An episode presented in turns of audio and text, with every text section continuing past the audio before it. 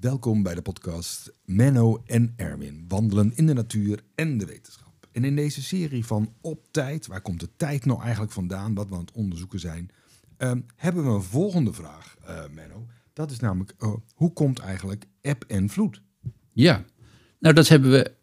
Dat is ook weer een heel korte podcast. Oké, ja. Kom door de maan. door de maan. Ja. Ja. Ja, dat heb ik wel eens een keer gehoord. Maar, maar waarom dan? Want ik bedoel, eh hij Nou ja, trekt aan het water of, of Ja, het de- los? dat, is, Maar- dat is letterlijk de, de aantrekkingskracht van, de, van de, de, de maan op de aarde. Dat is een grote invloed.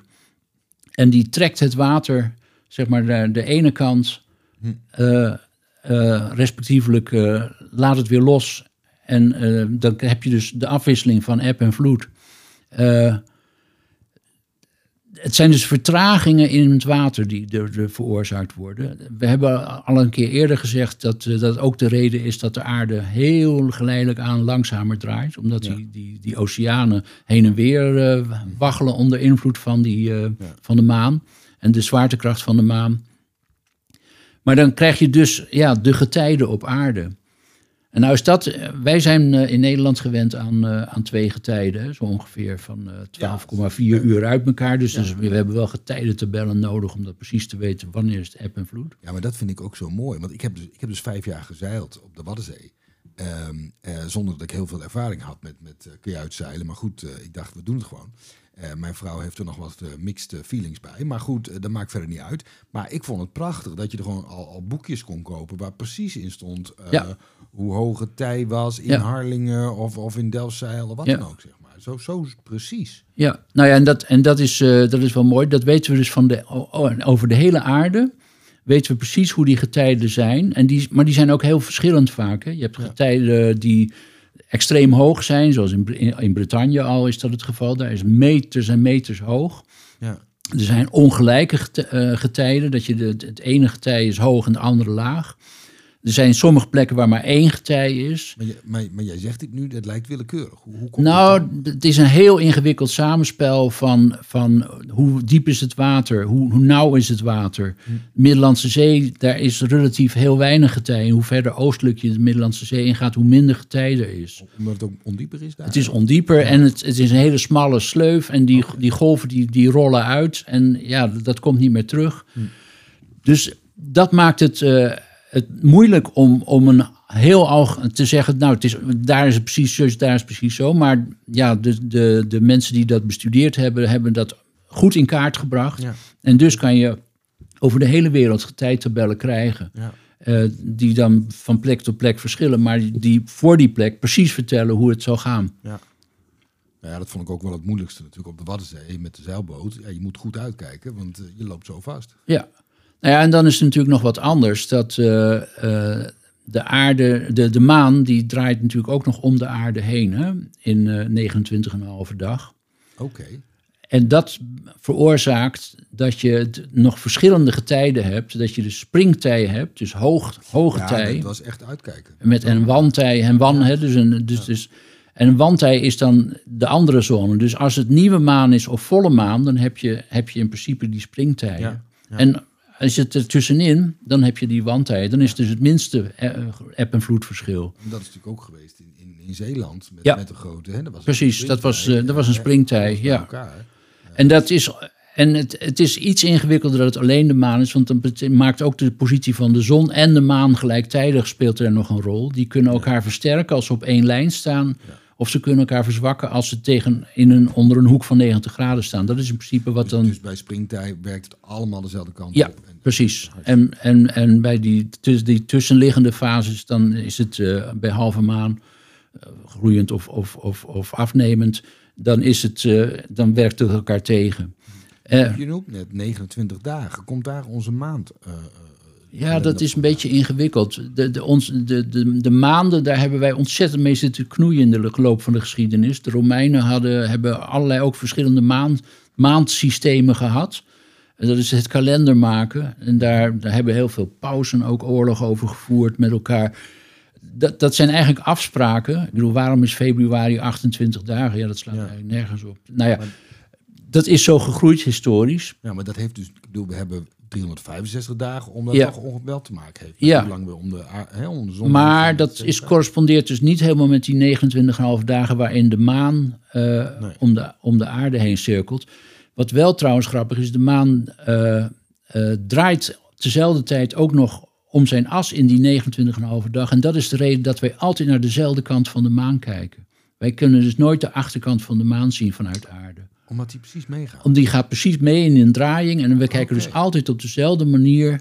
Ja. Hij draait om de aarde, maar hij draait ook om zijn eigen as. Ah, dat is dus heel grappig. ook die, die science fiction natuurlijk. Dat ze zeggen, ja, aan de achterkant van de maan, ja, daar zijn de geheime basis. Precies, daar, daar gebeurt van alles. En eh, nou ja, tegenwoordig is dat dus ook zo, omdat ja, je weet jij veel wat, eh, wat het vijandelijke land daar allemaal voor ellendige dingen neerzet. Waarschijnlijk zetten ze daar niks neer, want dan kunnen ze de aarde ook niet zien, Ja, ja. denk ik. Ja, oké.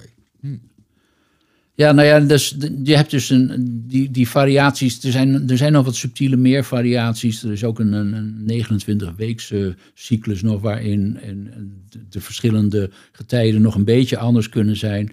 Maar in principe is dit wel de kern van het verhaal. Ja. Eh, de getijden door die, door die verschillende invloed van de zwaartekracht op de waterbeweging. En dus die maandelijkse, zeg maar 29,5-daagse springtij-bewegingen. Eh, zowel bij nieuwe maan als bij halve maan. Dus twee keer per 29,5 dag eh, hebben we zo'n springtijdsituatie. He- Heb jij, ik zit me nu af te vragen, Menno, hè, want we hebben nu eh, drie afleveringen gehad over tijden, met manen, met, met, met zonnen en dat soort dingetjes. En als ik jou vraag naar de ontstaan dingen, dan, dan ga jij zeggen, nou, ze weten niet zeker, er zijn meerdere theorieën. Terwijl de exacte lengte of hoe lang we ergens iets over doen, dat is heel zeker bepaald. Ja, dat is. En dat hoe, is. hoe kan eh, dat eigenlijk? Want jij zegt nu het is 29,5 en eh, waarschijnlijk kan je er nog komma's bijgeven. Ja, ja, zeker. seconde. Maar hoe, hoe weten we zulke dingen zo zeker? Nou ja, dat is voor een deel is dat, eh, is dat ook vastgelegd in, in, in, letterlijk ook in organismen. Zoals we gezien hebben, die, dat die aarde sneller draaide, dat weten we onder andere doordat we die cyanobacterie afzettingen hebben. Eh, bij die maansystemen, daar weten we in feite dat het, dat het, zeg maar, voor zover we dat eh, kunnen nagaan, dat het extreem constant is over de lange tijd eh, gezien. Dus dat daar niet aan, veel aan verandert. Nee, maar heb je enig idee hoe we dat meten? Ja, ik ben natuurlijk niet een natuurkundige. Nou ja, de, de maan, ja, hoe, hoe lang kijken de mensen al naar de maan? Ja. En hoe lang, dat, dat is al waarschijnlijk heel lang. Ja. Dat is zeker 100.000 jaar. Maar hoe lang leggen ze het vast? Nou, dat is een eh 5.000, 6.000 jaar dat we het vastleggen. En als je daarnaar kijkt, dan, eh, dan weet je dat die, die maanstanden, zeg maar, die zijn heel precies bijgehouden. Dat dat behoorlijk vast is. En, eh, en ja, wij denken wel eens wat makkelijk over die maan. Van nou, wat maakt het uit? En zeker als je een, een, eh, in de stad woont, dan eh, ja, wat zal het je schelen? Maar wij weten zelf al dat het, als je de hond s- s'avonds uitlaat en we wonen hier vlakbij een grote plas, Ja, dan maakt het heel wat uit of het nieuwe maan is of dat het volle maan ja is. zeker. Ja, ik, Want in het ene ogenblik loop je zo het water in en het andere, weet je, zie je het perfect. ja. Ik, ik vind het altijd een van de mooiste gezichten. Gewoon die prachtig, die volle maan Ja. op dat water. Dat, dat is fantastisch. Ja.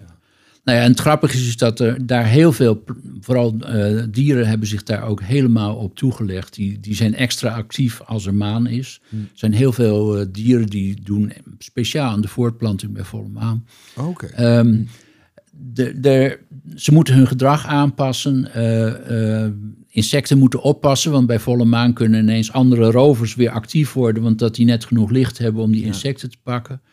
Ehm, dus, dus zelfs eh, dat, dat maanlicht direct, dat heeft dus al heel veel invloed op, eh, op, op heel veel leven. En het is ook voor mensen vroeger zeker heel bepalend geweest dat ze moesten weten of het nieuwe maan was. Want dan konden ze s'nachts echt geen, geen knip voor ogen zien. nee. Die getijdenritmes, die dus ook samenhangen met die maan, die, die zijn nog veel belangrijker eh, geweest in, de, in het ontstaan van het leven. Eh, heel veel van het leven is ontstaan in zee en ook in die getijzone, juist in die, die overgang van land naar zee. En al die organismes, eh, muggen, dus insecten in het algemeen, maar ook heel veel kreeftachtige, die hebben een fantastische inwendige getijklok. Dus net zoals je de dag- en nachtklok hebt, hebben die een getijklok van, van 12,4 uur bijvoorbeeld. Allerlei krabben hebben dat. Dus als je die in, in, in een vaste omstandigheden in het lab hebt, dan hebben ze toch een 12,4 uur ritme. Uh, terwijl ze dus helemaal geen klotsend water om zich heen hebben. Ze worden wel gelijk gezet door klotsend water trouwens. Dat is wel heel grappig. Je kan ze synchroniseren met, uh, met waterhoogte. Net zoals wij gesynchroniseerd kunnen worden door licht. Oké, dus als je dus in je laboratorium daar klotsend water neerzet, dan snappen zij na een tijdje, iedereen heeft dan weer dezelfde klok. Ja, zeker. Ja. En, nou ja, en er zijn heel spannende systemen. Er zijn uh, de beroemde Palolo-worm, die, die gaat ergens in de, in, in, de, in de Pacific, in de Stille Oceaan, komen alle Palolo-wormen tezamen en die planten zich daar voort onder waarschijnlijk feestgezang en gaan dan weer uh, de wereld over. Nou, dat gebeurt dus ook allemaal bij specifieke maanfases. Oké. Uh, dus maan uh, via licht, maar ook via de getijden, heeft enorme invloed gehad op de ontwikkeling van het leven. Nou, wij doen nu alsof we er helemaal niks meer mee te maken hebben, behalve wat mensen die wat uh, aan de, aan de, nou, er zijn allerlei exotische theorieën natuurlijk over uh, ja. dat maanstanden effect hebben op, op groei van planten. Nou, dat is eerlijk gezegd niet zo heel erg hard te maken. Hm. Um, maar dat het heel veel invloed had, heeft gehad op, het, op, het, uh, op het, ja, hoe het leven op, aarde ontstaan is, dat is zeker. Ja. Oké. Dus, nou, Benno, we hebben weer een mooi verhaal gehad over, over de getijden, over de maan.